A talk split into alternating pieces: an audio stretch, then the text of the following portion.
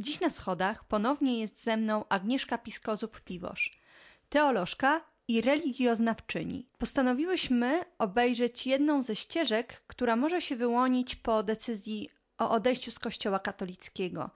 Jest nią między innymi konwersja. Miałaś ochotę, mam wrażenie, porozmawiać o przynależności do Kościoła, poczucia przynależności do Kościoła, o apostazji, o konwersji, o tym, jakie my w ogóle mamy możliwości patrzenia na tą wspólnotę w tych czasach, które teraz mamy. Mhm. Ja trochę mam takie wrażenie, że właśnie rozmowa, y, przynajmniej w moich mediach społecznościowych, jakoś bardzo kręci się wokół tych dwóch opcji: apostazji albo brak apostazji. Tak jakby y, świat miał tylko takie dwa tryby funkcjonowania. I, i pewnie jest też tak y, trochę u innych, bo myślę, że w ogóle to jest jakaś taka e, skłonność tych mediów społecznościowych, nie? które e, wybierają te najbardziej kontrowersyjne tematy i powodują taką polaryzację. Więc pewnie osobom, które gdzieś tam już się zainteresowały apostazją, no to będą się ciągle pojawiać posty apostazji, a osobom, które e, chcą na przykład jakoś pokazać swój sprzeciw, będą pewnie ciągle się pokazywały jakieś akcje przeciwko, a że ja mam trochę takich i takich znajomych, to właśnie ciągle widuję takie posty na zasadzie dlaczego zostaję albo dlaczego odchodzę, albo dzielenie się tym, że właśnie ktoś już jest na tej ścieżce, ktoś się zastanawia, dużo grup mi się pojawia na ten temat.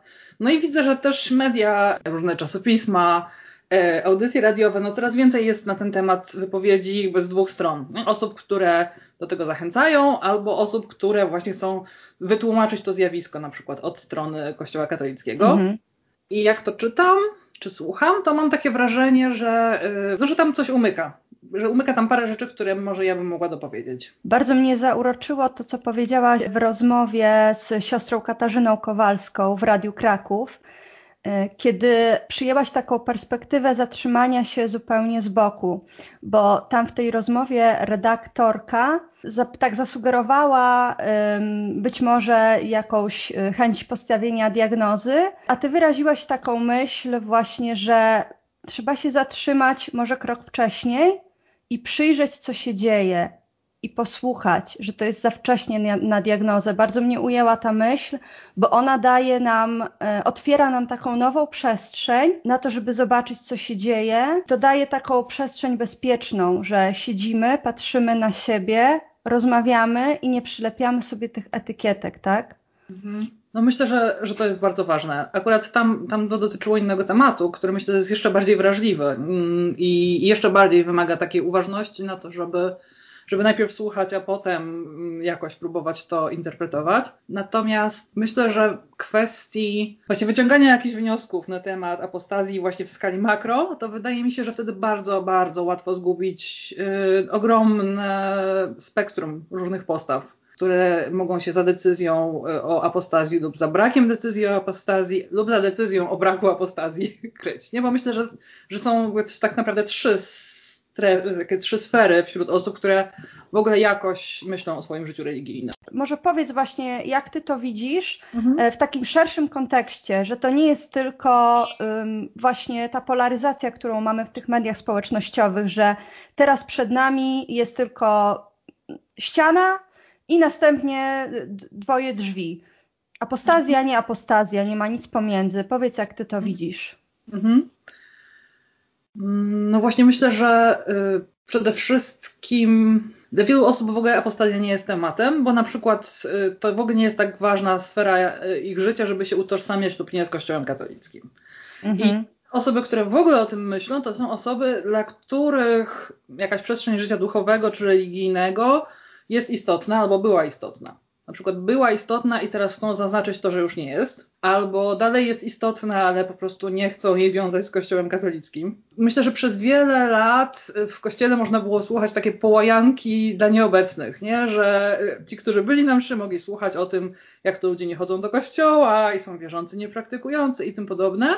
Na tym się skupiała czasem uwaga duszpasterzy. Tymczasem tutaj, myślę, mówimy trochę o innych osobach.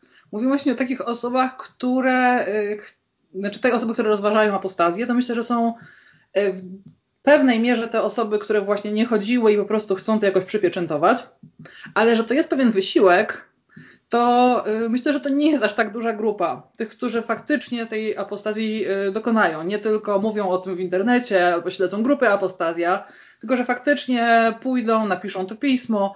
Myślę, że to są już osoby bardziej zdeterminowane, na przykład takie, które jakoś wyraźnie chcą wyrazić sprzeciw albo pokazać, że na przykład, że Kościół ma zbyt dużą rolę w życiu publicznym, tak, i chcą zmniejszyć mu statystyki, e, czy nie, jakby zmniejszyć mu statystyki, chcą po prostu jakby pokazać prawdziwe oblicze tego, że, że ich tam nie ma, mimo że formalnie tak. na Natomiast myślę, że bardzo dużo osób, które się tym tematem interesują i rozważają, to są osoby, które po prostu jakoś nie Zastanawiamy się wcześniej nad tym, czy w ogóle Kościół katolicki to jest ta najbardziej odpowiadająca im duchowość, tylko po prostu jakoś tam były bardziej lub mniej się dobrze czując. No i teraz w ogóle słyszą o takiej opcji, że no nie wiem, kiedy ktoś bliski, e, znajomy, ktoś z rodziny odchodzi, no to mogę bardziej sobie postawić to pytanie, to czy ja chcę być, dlaczego chcę być. I w tym momencie wydaje mi się, że niektórym osobom może się otwierać bardzo szerokie spektrum, że nagle właśnie widzą, że to nie są tylko e, te drzwi i tamte, ale że na przykład jest coś takiego jak konwersja, tak? że można się dowiedzieć czegoś więcej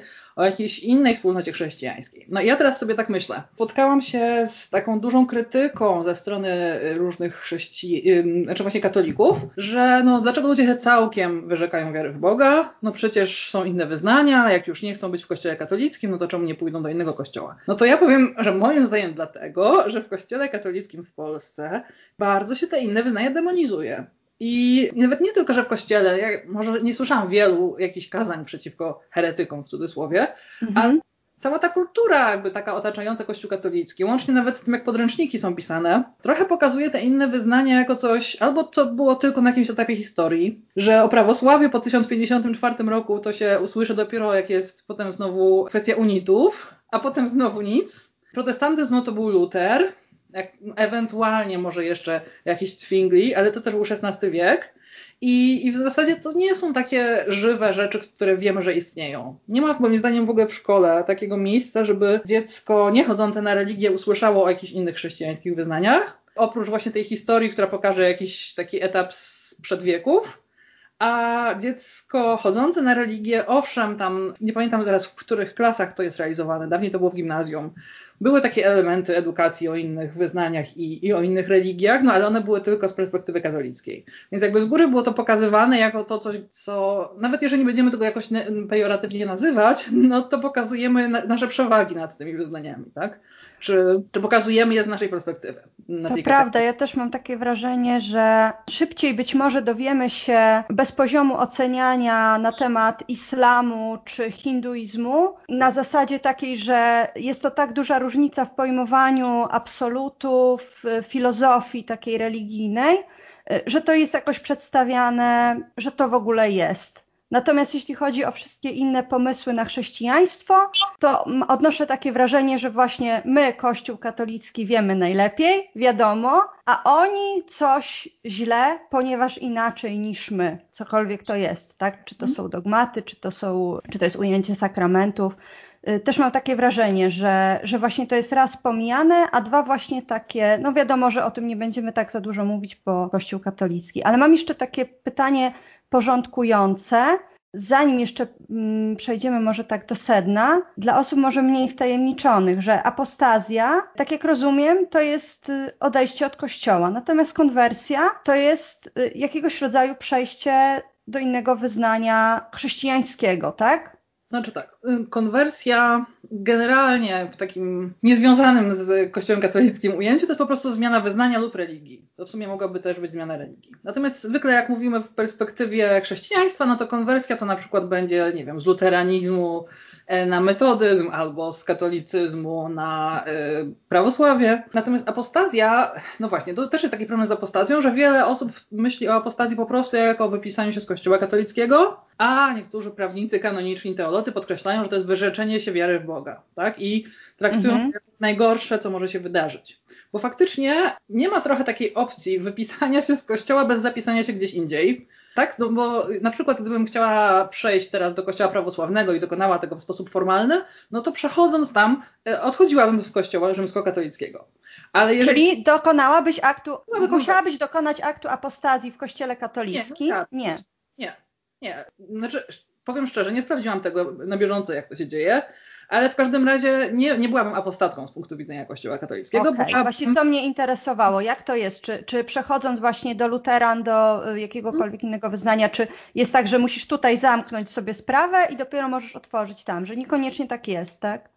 To znaczy, nie muszę dokonać apostazji. Apostazja nie jest związana z przejściem do innego wyznania, tylko jest związana z odejściem bez przejścia gdzieś formalnie, albo na przykład, że faktycznie nie chcesz być chrześcijanką i nie wiem, chcesz być wyznawczynią sikhizmu, no to y, y, wtedy tutaj dokonujesz apostazji, żeby się nie liczyć w kościele katolickim, tak? Jasne. Natomiast y, w ramach wyznań chrześcijańskich, no to po prostu y, nie trzeba tej apostazji, nie trzeba się wyrzec wiary w Boga, no bo uznajemy, że ta wiara w Boga jest wspólna, nawet wiara chrześcijańska jest nam wspólna, tak? Co do tak. pewnego systemu chrzest jest uznawany między większością y, wyznań. Mhm. Y, no i kiedy myślę o tym, że, że właśnie y, mało kto myśli o takiej opcji, to dlatego, że naprawdę sądzę, że nie ma jej po prostu w ogóle na talerzu, tak? Jeżeli nie znasz kogoś osobiście, kto jest w jakimś kościele, to w zasadzie nie masz tam jakiegoś punktu dojścia ani, ani żadnego rozumienia, jak tam jest. Na dodatek mam takie wrażenie, że jest to jakoś tak naprawdę demonizowane. Mm, i że wiele osób czuje się nawet źle z tym, żeby pójść do jakiegoś innego kościoła, zobaczyć, jak wygląda nabożeństwo. Ja, ponieważ studiowałam też religioznawstwo, to bywałam bardzo dużo na nabożeństwach w najróżniejszych wyznaniach. I to było takie też po prostu doświadczenie no, naukowe, tak? Socjologii religii, no tak. rozumienia, jak, jak wyglądają nabożeństwa w różnych miejscach. Natomiast myślę, że przeciętna, e, przeciętny chrześcijanin w Polsce rzadko ma takie doświadczenia. Tak? Jest, jest y, y, tydzień modlitw wojennych chrześcijan w styczniu i wtedy te nabożeństwa się odbywają na przykład w różnych kościołach. Jakby z perspektywy Krakowa jest tak, że, że się zapraszają nawzajem ci mhm. duchowni i na przykład, nie wiem, duchowny luterański będzie przemawiał w zborze baptystów, e, no więc wtedy jak przychodzi na przykład tam katolik, to on tak naprawdę nie wie, czy ma do czynienia z nabożeństwem baptystycznym, luterańskim, czy z jakimś ogólnym. Zwykle jest taka no tak. Ale takie coś, żeby po prostu pójść i zobaczyć, jak w niedzielę to wygląda właśnie, nie wiem, w cerkwi, to naprawdę jest rzadkie doświadczenie. I jeżeli ktoś z przyjaciół cię nie zabierze, to, to raczej jest taki trudny punkt dojścia, więc myślę, że w ogóle nie bierze się tak pod uwagę. I ja nie chcę o tym teraz mówić jako o tym, że to jest lepsza opcja, natomiast chciałabym bardziej powiedzieć tym właśnie znajomym katolikom, którzy się tak oburzają, jak apostazja, czemu człowiek się całkowicie wyrzeka, no dobra, nie możesz znieść tego kościoła katolickiego, ale, ale no przecież wiara w Boga i w Chrystusa jest taka ważna, no to myślę sobie, y, no jakby nie wyrzekajmy na ludzi, którzy nie mają takiej opcji y, realnie. No, co z tego, że ona istnieje na papierze? Jak, jak naprawdę tak sobie stworzyliśmy troszkę całą naszą tożsamość polsko-katolicką, że, że nie bardzo znamy inne możliwości i też pamiętam sama swój opór jako nastolatki przed pójściem na nabożeństwo w innym kościele, że miałam taką obawę, czy to nie jest jakaś zdrada, nie? Mam też takie wrażenie, że z jednej strony właśnie zdrada, na pewno jako nastolatka też tak bym myślała, z drugiej strony czułabym się jako nieproszony gość, wchodząc tam, niejako próbując podglądać. Zdaję sobie sprawę, że pewnie gdybym zaczęła rozmawiać z poszczególnymi osobami, to tak nie byłoby, tak? Oni pewnie by mnie zaprosili, że mogę przyjść jak najbardziej. Tak też byłam na ślubie e, w kościele protestanckim, no ale wtedy byłam zaproszona, tak? Natomiast na zasadzie takiej, żeby rozejrzeć się, poszerzyć sobie trochę ten światopogląd, ten, ten pogląd na religię, to, to faktycznie czułabym się jak ktoś, kto podgląda z zewnątrz. W takiej praktycznej e, sferze, no to mogę powiedzieć tak, że w większości jakichś wspólnot, do których przychodziłam, to bardzo szybko ktoś zauważy, że jest ktoś nowy. I jakby je, i one raczej są nastawione na to, żeby porozmawiać, czy, czy zwykle ktoś pyta i możesz powiedzieć jasno na przykład, że nie wiem, że jesteś katoliczką, która chce zobaczyć jak to wygląda, albo że po prostu w ogóle interesujesz się takimi nabożeństwami, że to jest ok dla kogoś, żebyś tu była. Tylko myślę, że jest jeszcze jedna rzecz, która zwłaszcza w cerkwi wydaje mi się istotna, przynajmniej ja takie doświadczenia mam właśnie z cerkwią prawosławną, że to jest ważne też, żeby powiedzieć w miarę jasno, czy się jest jako totalny oglądacz, czy chce się modlić. Bo widziałam, mhm. jak właśnie jako religioznawcy poszliśmy z grupą znajom, z grupą kolegów z roku y, na, y, na nabożeństwo to chyba, mimo że to było ustalone z księdzem, no to nie było ustalone z takim panem, który pełnił, chyba myślę, można porównać tę funkcję do kościelnego. I on po nabożeństwie zwrócił mojej koleżance uwagę, że się zachowywała bardzo niestosownie. A ona po prostu sobie siedziała na przykład, tak? Siedzenie jest mało, y, znaczy są miejsca siedzące, ale są raczej dla chorych, starszych, raczej się stoi, nie? A ona sobie właśnie siedziała, jeszcze chyba założyła nogę na nogę i to było coś, co jego bardzo zabolało i potem przyszedł powiedzieć, że tak nie można się zachowywać, nie? Rozumiem. E, więc myślę, że taka podstawowa wiedza też przed pójściem jest istotna, żeby jednak, nie wiem, zobaczyć. Teraz mamy tyle YouTube'a e, i tyle tych nabożeństw nagrywanych w czasie pandemii, że można naprawdę zobaczyć, jak to wygląda, tak? I jeżeli widzisz, że gdzieś wszyscy stoją, no to nawet jeśli ty nie przychodzisz się modlić, tylko zobaczyć, no to też stój. To bym tak zalecała. Ale, ale generalnie można pójść pójść i szczerze powiedzieć, czemu się tam jest i, i w większości miejsc będzie to raczej dobrze przyjęte, tak? A jeżeli nie będzie przyjęte, to, to też mogą nam o tym powiedzieć i, i, i myślę, że to jest jakoś takie dosyć uczciwe i fajne. Muszę Ci się przyznać, że dla mnie eksplorowanie obszarów innych niż typowo katolickie jest nowością y, i bardzo ciekawym doświadczeniem. Ostatnio podesłałaś mi nagranie wypowiedzi pastora Jarka Kubackiego, pomijając już niezwykle ciekawą perspektywę teologiczną, jaką on ma tam na zmartwychwstanie, to zachwyciło mnie w ogóle, że tak duża różnorodność w myśleniu o zasadach wiary i o doktrynie jest możliwa w obrębie tej samej wspólnoty. Dla mnie, jako dla katoliczki, już samo to jest dużą niespodzianką. Tak, myślę, że generalnie poza y, katolicyzmem i prawosławiem, które mają pewną centralizację władzy. Tak, no prawosławie w kilku miejscach, a, a, a, katolicyzm generalnie w jednym. No i właśnie, zwłaszcza wśród wyznań, które uznają, że tylko pismo, czyli że tak naprawdę wszystko kręci się wokół interpretacji pisma. Oczywiście są jakieś autorytety, są jakieś, nie wiem, może być jakaś konferencja biskupów, ale generalnie no to pismo jest rozstrzygające. No to może być tak, że jest jakaś wspólnota luterań, która inaczej rozumie pismo niż inni, i pewnie jeżeli to są jakieś bardzo duże różnice, no to na jakimś poziomie właśnie, nie wiem, biskupa czy jakiegoś zgromadzenia biskupów to może być jakoś przedyskutowane i coś z tym można zrobić. Znaczy luteranie myślę, że i tak są znacznie bardziej jednolici.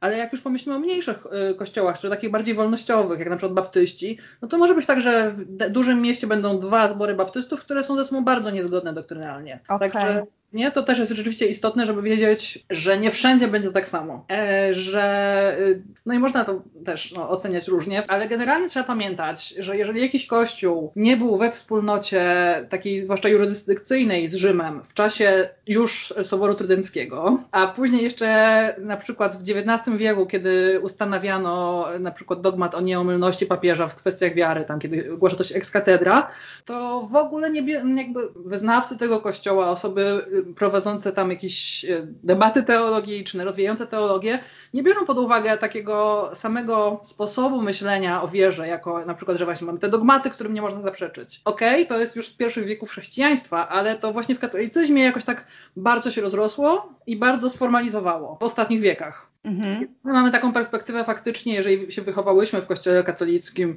że właśnie tu jest dogmat, tu papież się wypowiedział, a w tych innych kościołach tego doświadczenia po prostu nie ma i nie ma takiej, takiej perspektywy w, takim, w takiej dużej mierze. Ale to ma też swoje, no może nie chcę mówić o tym w kontekście plusów i minusów, ale efektem tego, czy konsekwencją jest bardzo często to, że te zbory bardzo się dzielą, tak? I że jest trudno tak naprawdę utrzymać jakąś większą wspólnotę, ponieważ y, na tle tego właśnie, że jeden pastor mówi to, y, na przykład jeżeli nie jest jeden pastor we wspólnocie, tylko grupa starszych, ci starsi mogą między sobą się nie zgadzać, i to może prowadzić do bardzo, bardzo wielu podziałów. I ja na przykład mocno się zaczęłam interesować ostatnio menonitami.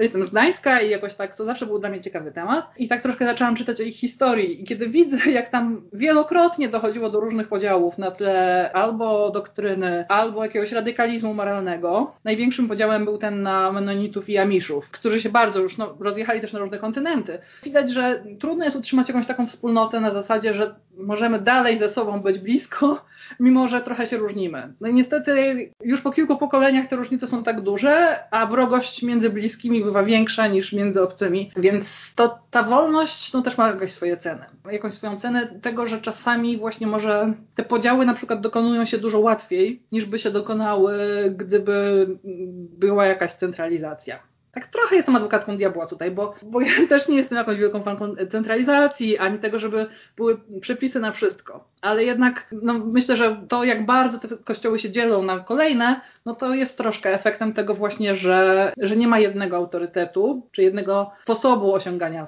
jakiegoś roz, rozstrzygnięć. No. Ale w kościele mhm też, no właśnie, to jest coś takiego ważnego dla mnie, bo tak chciałabym jednak wrócić do tej perspektywy katolickiej, nie? Bo tak trochę mówiliśmy o apostazji, o konwersji. Tak, tak, tak punktu widzenia zostania w Kościele katolickim. Myślę, że jak praktycznie się to pozna, jeżeli się uprawia jakiś taki intensywny churching, czyli się chodzi w różne miejsca, albo się chodzi spowiadać w różne miejsca, a teraz jeszcze na przykład ogląda się nabożeństwa z różnych miejsc, nie tylko z Polski, to można zobaczyć, że różnice bywają ogromne. Tylko, że to są różnice jakby tak nie, nie przyklepane oficjalnie. I to jest trochę takie pytanie o to, na ile jakąś drogą katolika obecnie może być to, że znajdzie sobie, nie wiem, właśnie sensownego spowiednika. To, to, to jest takie coś, co Szymon Hołownia wiele razy mówił, że, no, że do lekarza no to wybierasz, nie idziesz do pierwszego lepszego, sprawdzasz w internetach, pytasz znajomych, a, tak. a ma pretensję, że ksiądz, prawda, w konfesjonale był niefajny, bo nawet nie sprawdziłeś, co to za ksiądz. No jakoś mnie to trochę smuci taka perspektywa, bo ona jest bardzo taka z pierwszego świata, tak? Wyobrażamy sobie, że ktoś ma samochód, internet, cały czas może siedzieć, szukać, wypytywać na forach, i chce się wyspowiadać, to nie jest problem, że pojedzie, nie wiem, z małej miejscowości na przykład do dużej miejscowości i jeszcze w dodatku będzie dyżur tego księdza, albo że się umówi. To są często już takie zaporowe rzeczy. Oczywiście to Prawda. jest możliwe, jak się mieszka w Warszawie, jak się ma jakąś łatwość w tym, żeby właśnie mm, poprosić kogoś, zapytać, a co innego, kiedy się nie ma takiej opcji na co dzień, nie? I, no ale tak, teoretycznie można tak zrobić. Można mieć spowiednika, który na przykład w jakiś określony sposób interpretuje jakiś przepis, albo który uważa, że coś nie jest tak bardzo istotne. Nawet jeżeli to nie jest ortodoksja, to on uważa, ale może tak mieć, tak? No i ma tę władzę i jakieś tam rozwiązania w tym konfesjonale zastosuje. Można mieć jakiegoś, prawda, ulubionego kaznodzieję i, i jego słuchać. Można mieć taką wspólnotę, w której na przykład, nie wiem, wszyscy są mi jakoś bliscy, albo fajnie śpiewają, albo nie ma czegoś tam, albo komunia jest na rękę, albo nie jest. Mhm ale dla mnie, y, jako takiej osoby, której bardzo zależy na takiej jasności, równości, no to to jest trudny wątek.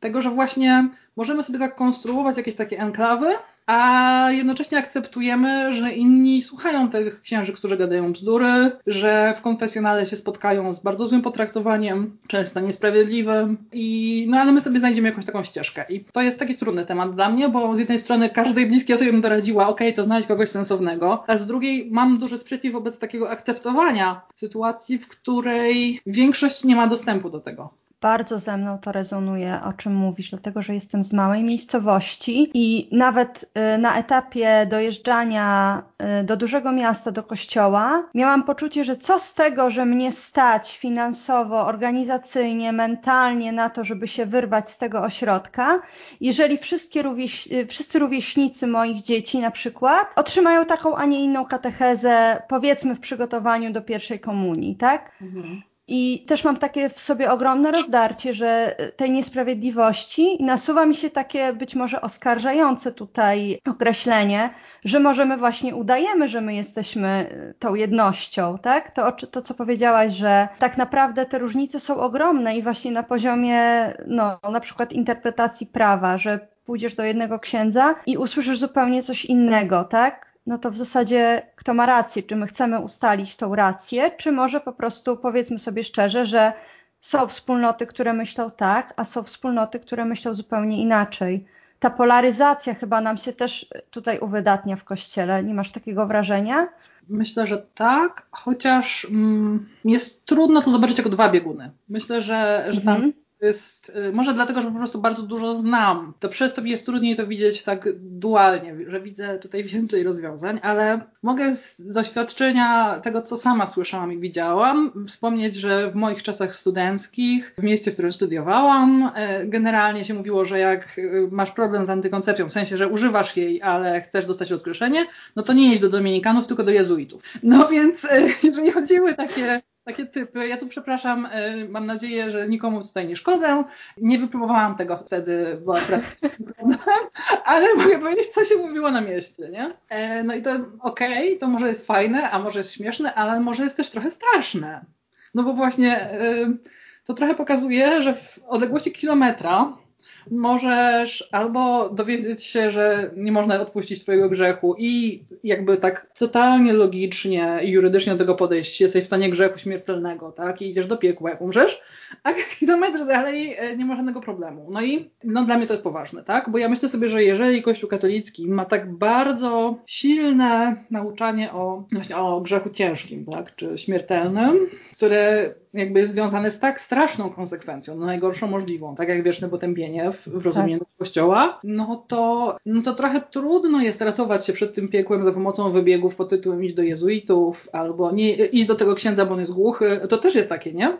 Że tak. w miejscowościach to chyba jest takie rozwiązanie, że tamten ksiądz mało słucha, ten się śpieszy, ten to tam wszystkim puka, tak, że tak, tak, tak. Nie? I mm, no, dla mnie to jest jakoś bardzo, bardzo problematyczne. I ja bym, no ja jakoś bardzo z Ewangelii sobie wzięłam ten fragment, co wam mówią szeptem, rozgłaszajcie na dachach. Że dla mnie nie jest rozwiązaniem to, że jakiś jeden ksiądz powie, że też e, wierzy w to, że wszyscy będą zbawieni, na przykład, podczas gdy inni będą straszyć piekłem. I tak długo, jak długo jednak e, formalnie wszyscy będą się bali powiedzieć, okej, okay, nie ma co się bać piekła, bo jest taki dogmat, że jest piekło, no to tak długo to jest dla mnie troszkę taka zabawa, no ja się dobrze bawię, ale nie widzę tego, że większość ludzi żyje w jakimś wielkim lęku na przykład, tak, przed, mm, przed piekłem. Czy że wiele osób podejmuje różne decyzje moralne nie dlatego, że chce, tylko dlatego, że chce uniknąć y, śmierci wiecznej. I to są dla mnie takie wątki, myślę, że trochę już przekraczające może dzisiejszą rozmowę, bo, bo bardzo duże, ale, ale jakoś to bym chciała zaznaczyć, że fajnie jest sobie znaleźć jakieś swoje miejsce w kościele, którymkolwiek, ale jednocześnie myślę, że warto pamiętać, że akceptowanie tego, jak bardzo na przykład no właśnie lękowa a może być teologia i że ona ma mocne umocowanie dogmatyczne i w teologii i jest większościową postawą jest jednak ta postawa taka przemocowa, no to dla mnie no to jest duża trudność osobiście, nie? I takie pytanie właśnie, na ile ja chcę się identyfikować y, z taką teologią, na ile chcę uprawiać coś zupełnie innego, na ile chcę szukać jakiejś drogi um, takiej pośredniej. I wydaje mi się, że wielu teologów sprytnie idzie taką drogą pośrednią, że y, bardzo uważają, żeby wprost nie zaprzeczyć dogmatowi, ale i tak mówią jakieś swoje daleko idące rzeczy, Tymczasem, y, no moim zdaniem, to jest troszkę za mało. Troszkę takie ryzykowne jest właśnie to, że, że będzie się powtarzało te same błędy przez, nie wiem, ileś tam kolejnych pokoleń, w imię tego, żeby nie nadepnąć nie? Na, na jakąś linię pod tytułem, no ale jest orzeczenie z któregoś tam wieku. No, ale to już jest duży temat. To prawda, ja też tak y, właśnie mam wrażenie na przykład ujęciu samego katechizmu, że taki prosty człowiek no to zazwyczaj powiedzmy taki średnio zaangażowany katolik, to on ma Pismo Święte w domu i większość ma pewnie katechizm. Tak? I jeżeli on ma jakiś problem e, właśnie natury moralnej czy, czy jakiejś teologicznej, no to pierwsze, co on weźmie do ręki, to weźmie ten e, katechizm, tak? Tam sobie znajdzie numerek, pod numerkiem sobie przeczyta to, to i to. I w zasadzie powinien mieć prawo na tym zakończyć, dostać odpowiedź, a za tym mam wrażenie dopiero otwierają się miliony drzwi, że a ktoś tak to interpretuje, a ktoś inaczej to interpretuje. Pójdziesz do tego księdza, to usłyszysz zupełnie coś innego, albo usłyszysz, że tak naprawdę tu jest to napisane, ale tak powinno być napisane, natomiast niekoniecznie Kościół tak to ujmuje.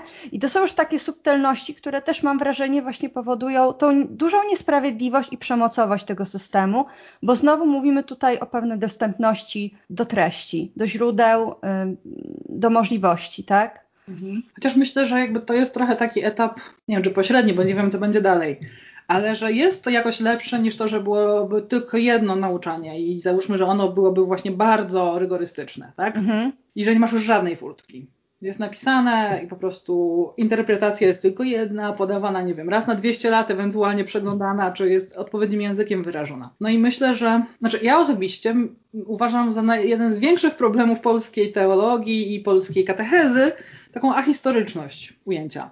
Ja znacznie wiem, bo ja studiowałam równolegle teologię i religioznawstwo, mm -hmm teologię katolicką na katolickiej uczelni i religioznawstwo na Uniwersytecie Jagiellońskim. Ja dużo więcej się dowiedziałam nawet o katolicyzmie na religioznawstwie, właśnie ze względu na to, że historia kościołów, historia chrześcijaństwa była naprawdę bardzo szczegółowa, bardzo detaliczna też w rozwoju doktryny. Tymczasem na teologii katolickiej była jakaś historia kościoła, ale bym powiedziała naprawdę symboliczna, a mhm. później te doktryny w zasadzie były podawane tak jakby one były ponadczasowe, jakby zawsze obowiązywały. Nawet jeżeli okej, okay, mówiono w Breviarium Fidei jest napisane, z którego to jest jakiegoś soboru, to nie było całego tła, dlaczego to tak się rozwinęło. Ja mam takie narzędzia dzięki temu, że studiowałam coś innego.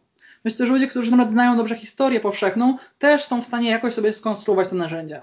Ale y, że dla przeciętnej osoby to nie ma większego znaczenia, y, dlaczego jest jakiś dogmat, Tymczasem jak się naprawdę wie w odpowiedzi na co on powstawał, to można zadać sobie pytanie, czy to w ogóle jest sytuacja, która mnie dotyczy. Czy gdyby dzisiaj zastanawiano się nad tym, to w ogóle by to tak ujęto. Ja jestem przekonana, że w wielu sytuacjach by tak tego nie ujęto, no ale ja sobie to mogę powiedzieć, prawda, bo nie wykładam na żadnej uczelni i zaraz nie dostanę tutaj jakiej, jakiejś bury od dziekany i będę musiała tego prostować w gazetach, czy przynajmniej e, no, nie będzie to jakiś problem na Radzie Wydziału. Natomiast wiele osób właśnie musi strasznie dużo energii poświęcać na to, żeby mm, poruszać się swobodnie, ale cały czas pamiętając o tym, jakich słów nie użyć, nie? Jakiego, mhm. jakiego sformułowania nie, nie wypowiedzieć. No i dla mnie to jest sytuacja taka no bardzo zniewalająca. Trochę podobna do sytuacji właśnie osób, które próbują sobie jakoś poradzić z jakimś aspektem e, katolickiego nauczania na przykład o seksualności, tak? Że wiemy, gdzie są te granice i próbujemy gdzieś tam się pomieścić, udaje nam się albo nie, ale że to cały czas nie jest moje wybieranie po prostu w wolności tego, co naprawdę chcę, tylko takie, okej, okay, jak to zrobić, nie, jak tu się prześlizgnąć, taka cała kazuistyka, jakieś, mm, myślę nieraz, y, nie wiem jakie jest dobre określenie na to, ale troszkę taka, teraz mm, myślę po angielsku, jak y, są konie, którym się zakłada na oczy takie coś, to się po angielsku nazywa blinders. Klapki na oczach. O, klapki, no właśnie, a one robią takie coś, że y, konie widzą tylko do przodu, a nie na boki. Tak. No to trochę jest tak, że my sobie nakładamy, to nie znaczy my się oślepiamy i jakby w ogóle ignorujemy y, na przykład grzech, ale że tak sobie to pole widzenia y, jakoś y, zacieśniamy, żeby po prostu jechać jakby jednym torem. A jest tyle innych rozwiązań, nie? I, I właśnie to, co powiedziałaś o tym, że może w innych kościołach można myśleć bardziej kreatywnie, to, to nie wiem, jak jest w innych kościołach. Nie, nie jestem w nich. Ale myślę o tym, że faktycznie ta kreatywność w szukaniu jakichś najlepszych sposobów na, na to, żeby żyć po chrześcijańsku, jest bardzo ograniczona przez to, że musimy sobie te klapki już ustawić, bo tutaj jest dogman, tu jest jakiś tam punkt prawa kanonicznego. I myślę, że to jest trudne dla osób, które mają dużą potrzebę jasności. Że pewnie wiele osób sobie może z tym po prostu radzić, że nie ma takiej jasności, a są takie osoby jak ja, dla których to jest po prostu boleśnie trudne. I, no i właśnie dlatego może szukali dla siebie i dla innych troszkę takiej marze, nie? O takiej większej sprawiedliwości w dostępie do, y, do dobrej teologii na przykład. A powiedz mi jeszcze, bo to jest też takie pytanie, które mnie nurtuje i jest związane w zasadzie z tymi zasadami, które też są jakoś bardzo mi bliskie i jakoś porządkują moje życie i to jak patrzę właśnie na to, czy gdzieś jestem, czy gdzieś nie jestem, czyli wracając do tej apostazji, czyli właśnie albo jestem, albo nie jestem i nic pomiędzy. Powiedz może, co dla Ciebie jeszcze jest byciem w kościele? W ogóle, co to znaczy dla Ciebie bycie w kościele?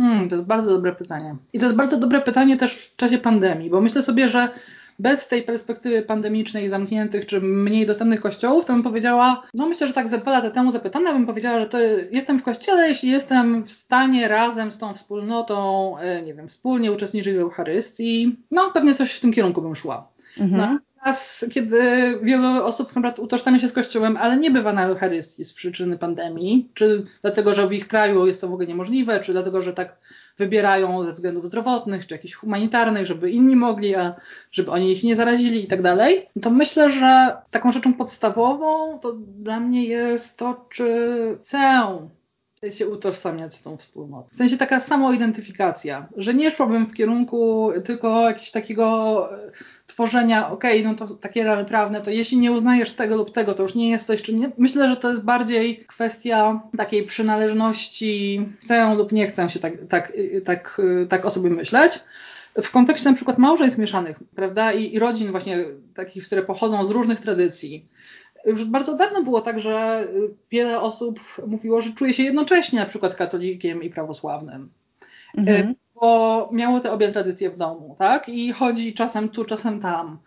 E, i generalnie na co dzień nie rozważa e, stosunków między patriarchą a papieżem. A te różnice doktrynalne nie są też takie wielkie, żeby to naprawdę o każdej kwestii decydowało. Więc myślę, że jest dużo osób, które mają jakieś takie już wielorakie tożsamości, mimo że one nie są dostrzegane jakoś w naszym kościelnym świecie, zwłaszcza w Polsce.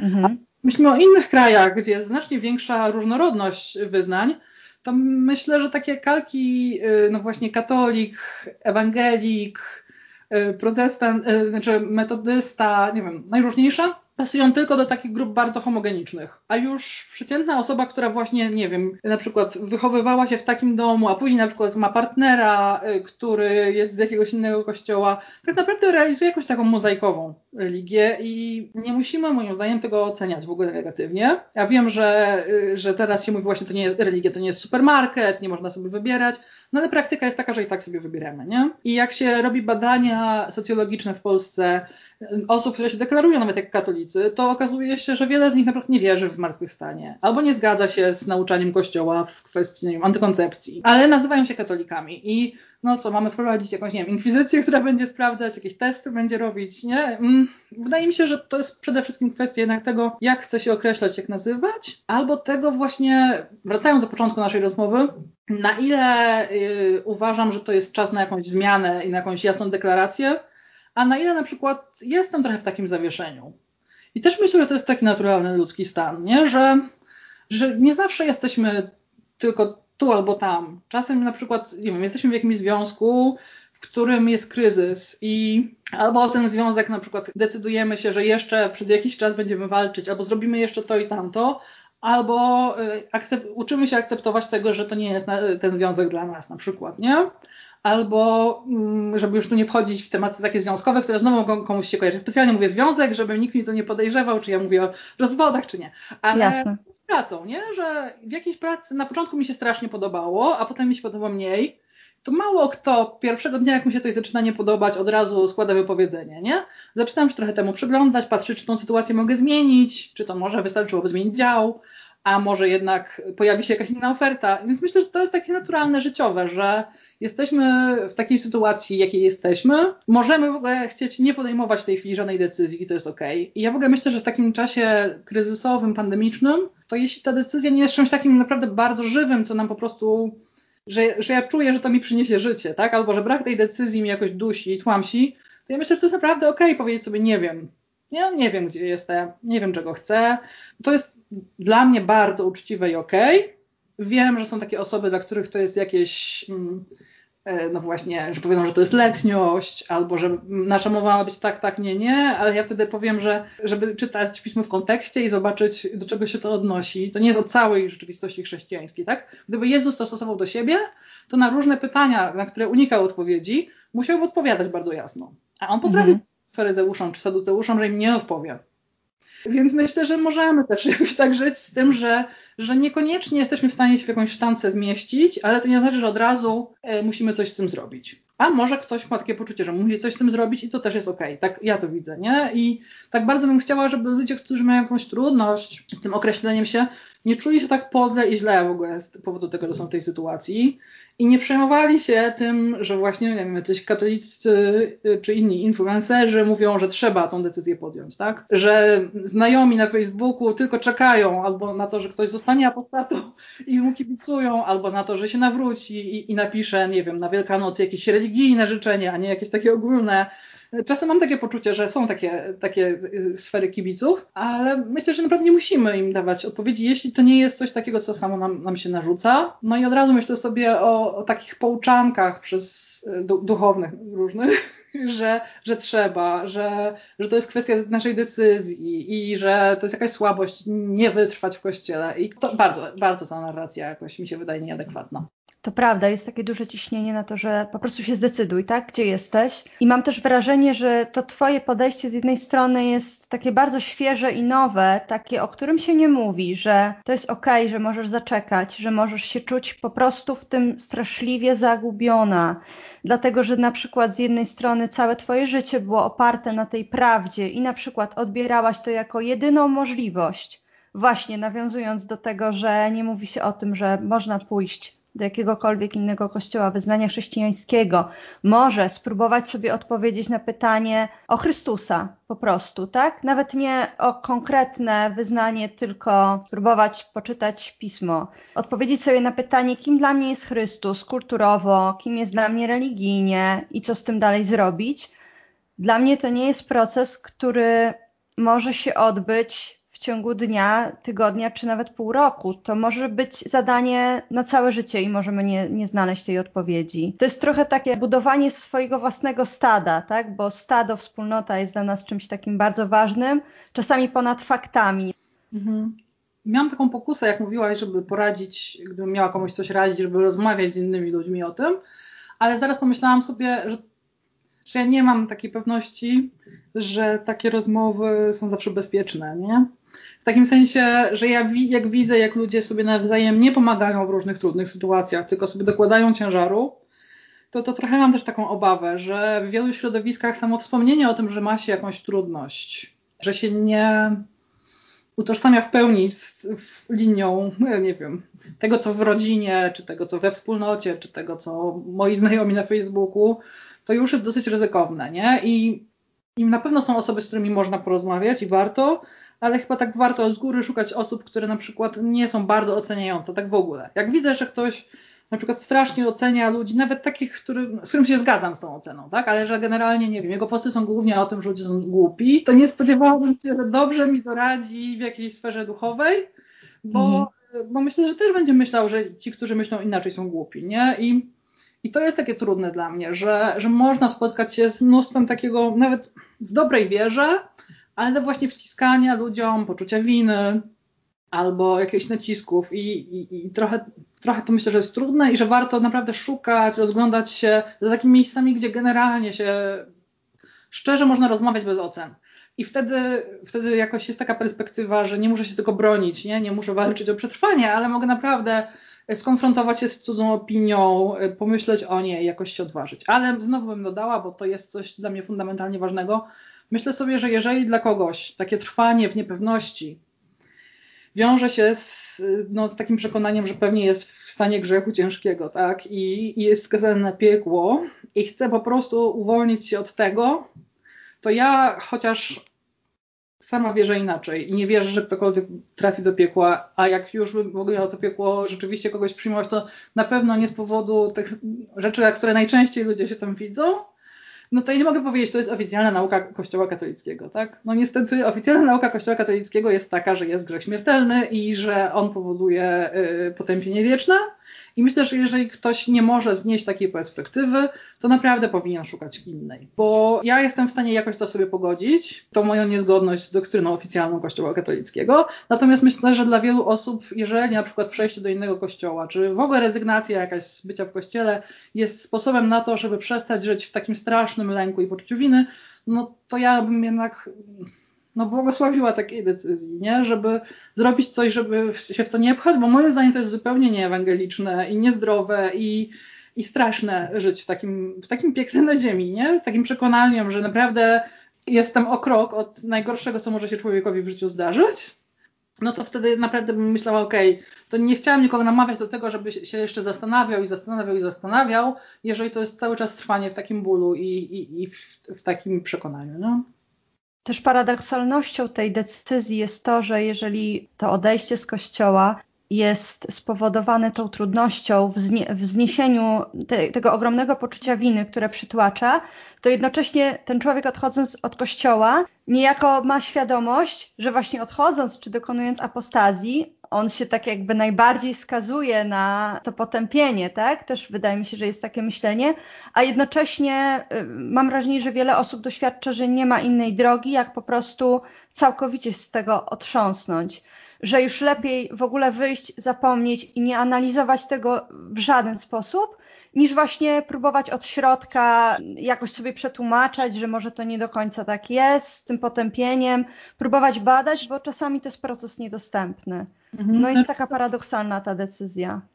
Myślę, że jeżeli się przejdzie do innej wspólnoty chrześcijańskiej, która na przykład właśnie, ale też to nie jest tak, że jest jakoś strasznie dużo wspólnot chrześcijańskich, które które są wolne od myślenia o piekle. Są takie, ale, ale to nie jest tak, że to tylko Kościół katolicki tutaj. No to jest wspólna wina e, wielu z nas. Ale załóżmy, że pójdę do takiej wspólnoty, która ma inne nauczanie e, w tej kwestii, no to wtedy pozostaje tylko naprawdę taki prozelityzm, znaczy nie, takie po prostu pójście na, na całość, już bez kwestionowania swojej decyzji, bo muszę po prostu, żeby uratować się przed tym poczuciem winy, nie na całego przygnąć to nowe miejsce.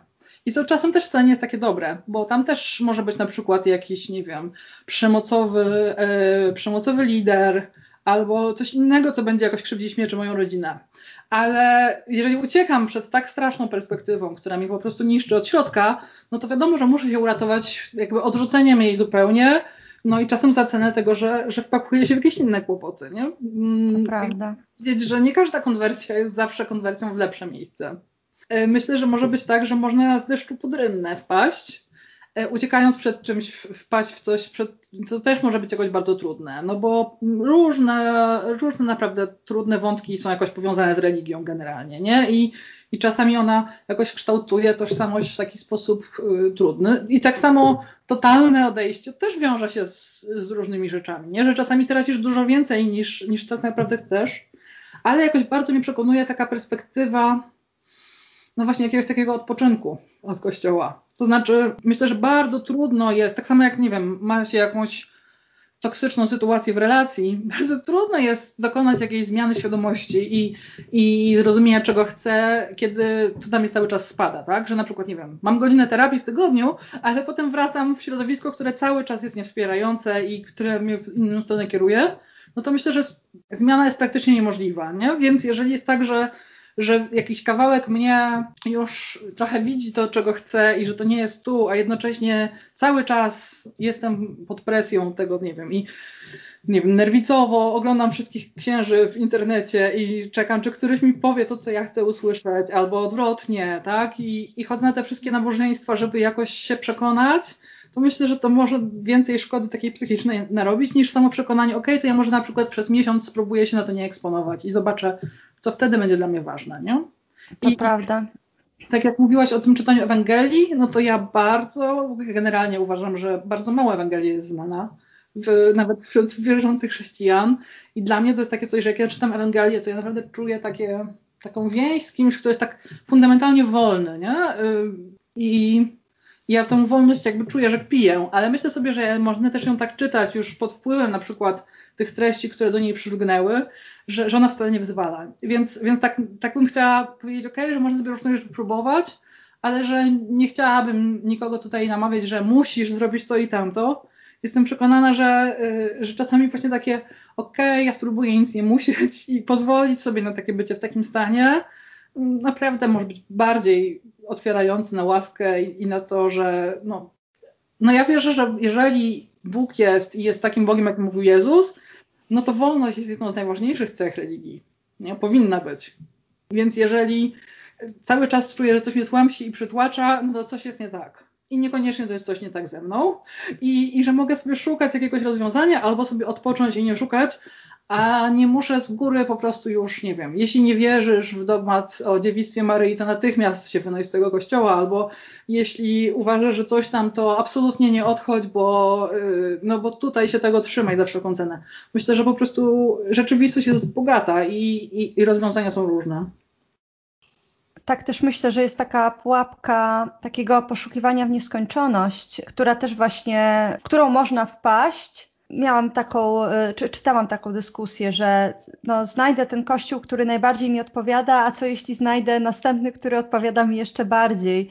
Przenosić się do następnego, do następnego, to też może być jakaś droga, tak sobie myślę, tak? Poprzyglądać się wszystkiemu po kolei, ale też czuję, że ogromną wartość ma to, co mówisz, żeby się zatrzymać po prostu i zobaczyć y, może wnętrze serca, mo, może to, co to, co ze mną, niż właśnie uciekać niejako, niejako w te poszukiwania, że czasami te poszukiwania mogą być ucieczką od sedna. Mhm. No, ten problem z tym wiecznym poszukiwaniem, powiem szczerze, że wydaje mi się, że on jest bardziej argumentem, nie wiem gdzie ty się z tym, z tym zetknęłaś, ale jakoś jako bardziej kojarzę jako argument przeciwko szukaniu ze strony osób, które nie chcą zmieniać. Niż... Tak, to jest taka raczej właśnie wątpliwość, że tak, no to, to jak będziesz, jak zaczniesz szukać, to na czym skończysz, tak? Najlepiej zostań w naszym słusznym, jedynym kościele katolickim, y, bo tam się dowiesz, że to, tam, to, siam, to, a my już wiemy. trochę tak, trochę w takim kontekście się spotkałam, raczej e, krytycznym, tak. Mhm, bo myślę sobie o kilku osobach, które znam, które konwertowały i myślę, że no, kojarzę ze dwie osoby, które konwertowały więcej niż raz, ale też nie mam takiego poczucia, że to jakoś zrujnowało im życie albo że to było jakoś bardzo złe. Mhm. Myślę, że y, znalazły jakąś alternatywę dla Kościoła katolickiego, pierwszą, w sumie najbardziej dostępną, a po jakimś czasie, jak lepiej poznały to środowisko, to też zobaczyły, że ono nie jest dla nich, tak? I znalazły coś innego albo zupełnie odeszły od religii. No i jakoś mi się to nie wydaje czymś chorym, y, nie wiem, nieadaptacyjnym, czy, czy jakoś bardzo oburzającym. Bardziej mi się to wydaje jakąś naturalną drogą dla tych osób. A znam też osoby, które konwertowały i już większość życia są w tym kościele, do którego konwertowały i też jest okej, okay, nie? bo znam też konwersję na katolicyzm, więc jakby to też nie jest tylko tak, że ludzie szukają zawsze na przykład, nie wiem, mniejszych obciążeń. E, myślę, że taka, taki może istnieć mit wśród katolików, że ludzie szukają tam, gdzie będzie mniej wymagań. No nie zawsze w takim kierunku idzie w ogóle, nie? Idzie w bardzo różnych i, i tak moja perspektywa religioznawczyni trochę jest właśnie o tyle fajna, że zanim to oceniam, to naprawdę staram się po prostu to widzieć, nie? I że to, co mogę tak wszystkim w każdej sprawie zalecić, to jest próbować zostać przy tym etapie, zobaczyć, zanim się już oceni i wyciągnie wnioski i chce się jakoś, nie wiem, ludziom mówić, co mają robić, to, to żeby w ogóle zobaczyć, jak duże jest bogactwo różnych rozwiązań, jak dużo dobra jest w różnych miejscach nie? Jak na przykład, jeżeli nie znam nikogo niewierzącego blisko, mogę też nie mieć pojęcia o tym, jak można żyć, y, nie, nie będąc w ogóle w żadnym kościele i kierować się zasadami moralnymi. I że to nie jest pułapka taka, że o Boże, a jeszcze jeśli nie daj Boże zostanę ateistą, to co będzie? Y, że wtedy to na pewno będę złym człowiekiem. Myślę, że naprawdę warto po prostu tak sobie pobyć z tym, że, że jest bardzo różnie, że świat jest różnorodny, nawet jeżeli moje otoczenie jest jakoś bardzo homogeniczne, nie? I i że to generalnie jest zdrowe, ale znowu nie jest to wezwanie z mojej strony, że ktoś musi, nie wiem, ile teraz wykonać wysiłku, bo myślę, że naprawdę y, za dużo tych wysiłków sobie wrzucamy na głowę, a czasami one wcale nie, nie idą w tym kierunku, który by nam pomógł. Nie? Że czasami nawet mniejszy wysiłek, ale w takim kierunku zgodnym z, z tym, co już wierzymy, zgodnym z naszym sumieniem, może być lepszym rozwiązaniem niż jakaś strasznie ciężka praca po to, żeby uzyskać wynik, który nam się wydaje dobry. Tak? Czyli żeby na pewno zostać, albo żeby na pewno konwertować, albo żeby na pewno na 100% być zgodnym ze sobą. To jak sobie tak stawiamy cele, to ja mam wrażenie, że, mm, no, że to jest pułapka. To jest bardzo ważna myśl, taka zrób krok do tyłu, czy do przodu, czy gdziekolwiek, ale właśnie nie na siłę. Albo może się po prostu zatrzymaj, tak? A jeszcze na sam koniec chciałam Cię zapytać, czy z perspektywy religioznawczyni, teolożki też, ale myślę, że bardziej religioznawczyni, jak myślisz, czy w ogóle można się udać donikąd? Ja czy rozumiem, że pytasz mnie o to, czy można zrezygnować z jakiejkolwiek perspektywy religijnej? Czy o tak, nie? tak, że ktoś odchodzi i, bo, bo, tak ostatnio właśnie też natknęłam się na takie stwierdzenie, że czasami ci młodzi apostaci, którzy odchodzą, to są, mają gorliwość neofity.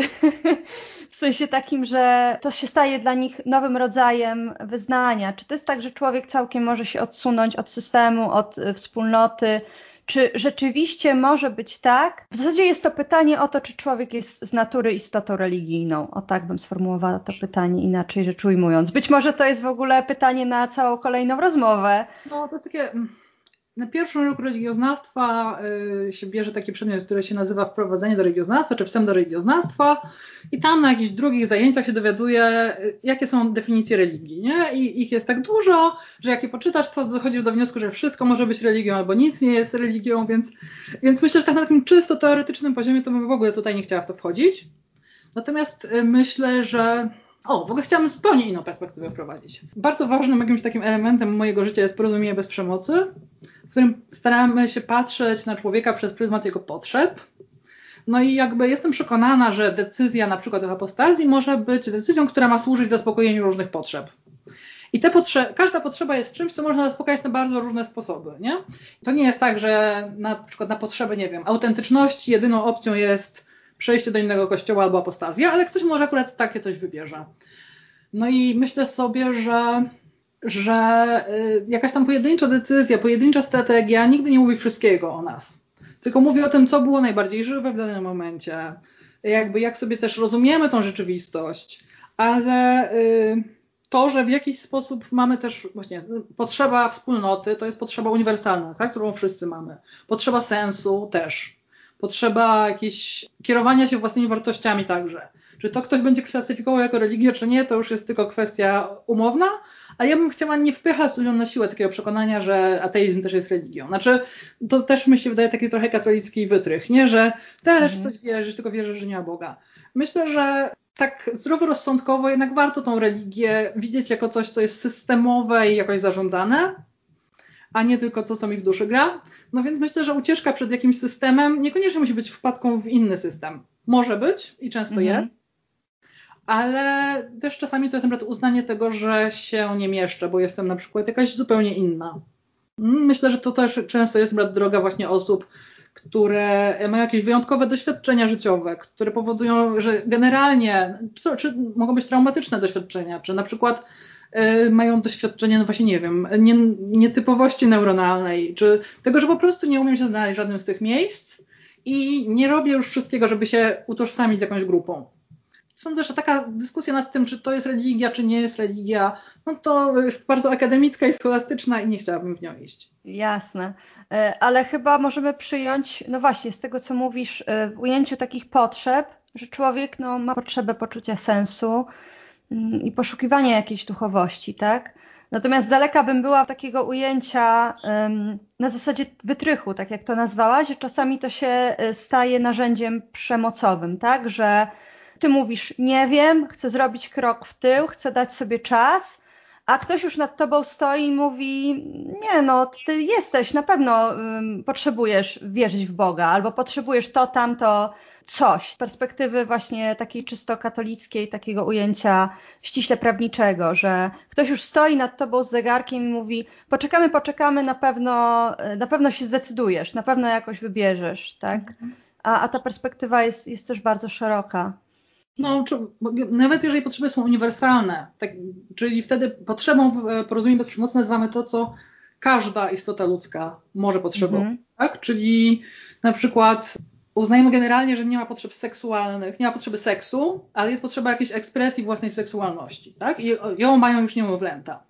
Natomiast y, to nie jest tak, że muszę tę, tę potrzebę zaspokajać przez seks. Mogę ją zaspokajać y, w różne inne sposoby. E, tak samo nie ma potrzeby religii, czy nie ma potrzeby bycia we wspólnocie religijnej. To nie jest uniwersalne. Ale na przykład może być właśnie potrzeba nawet, nie wiem, właśnie wspólnoty, albo wartości, albo y, sensu, która u wielu osób się wiąże z religią, a u kogoś może się wiązać z brakiem religii, a u kogoś może po prostu nie być żywa w danym momencie życia. I, I, myślę, że to też jest istotne. Czy jakaś inna potrzeba może nad nią górować, na przykład, nie wiem, potrzeba yy, no właśnie autentyczności i takiej mhm. jakiejś indywiduacji, nie? No, ale to już myślę, że, że to są takie wątki poboczne, może kiedyś indziej je zostawimy sobie.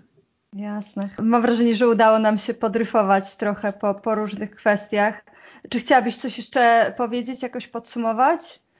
No, lubię podsumowywać, więc może chciałabym powiedzieć, że że tym, co jakby dla mnie jest najistotniejsze z tej, z tej rozmowy, z tym, co ja chciałam dać, to jest takie zaakceptowanie, że istnieje różnorodność i że ja też mogę w tej różnorodności gdzieś się znaleźć i nie muszę natychmiast tego e, być w stanie nazwać, obronić, uzasadnić, nie mam obowiązku się z tego tłumaczyć, nie? Tak chciała tego Jezusa, który właśnie odmawia saduceuszom odpowiedzi.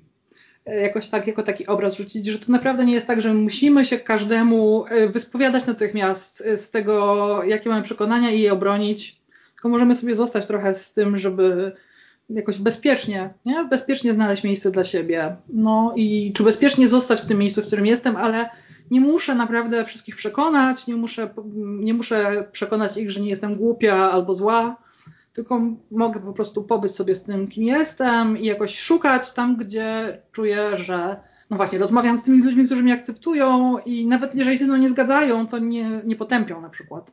a niż żeby właśnie zawsze mieć na wszystko odpowiedź i, i, walczyć o to, że moja droga jest najlepsza. No, to chyba to jest takie coś, co, co jakoś bardzo bym chciała zostawić po sobie tutaj.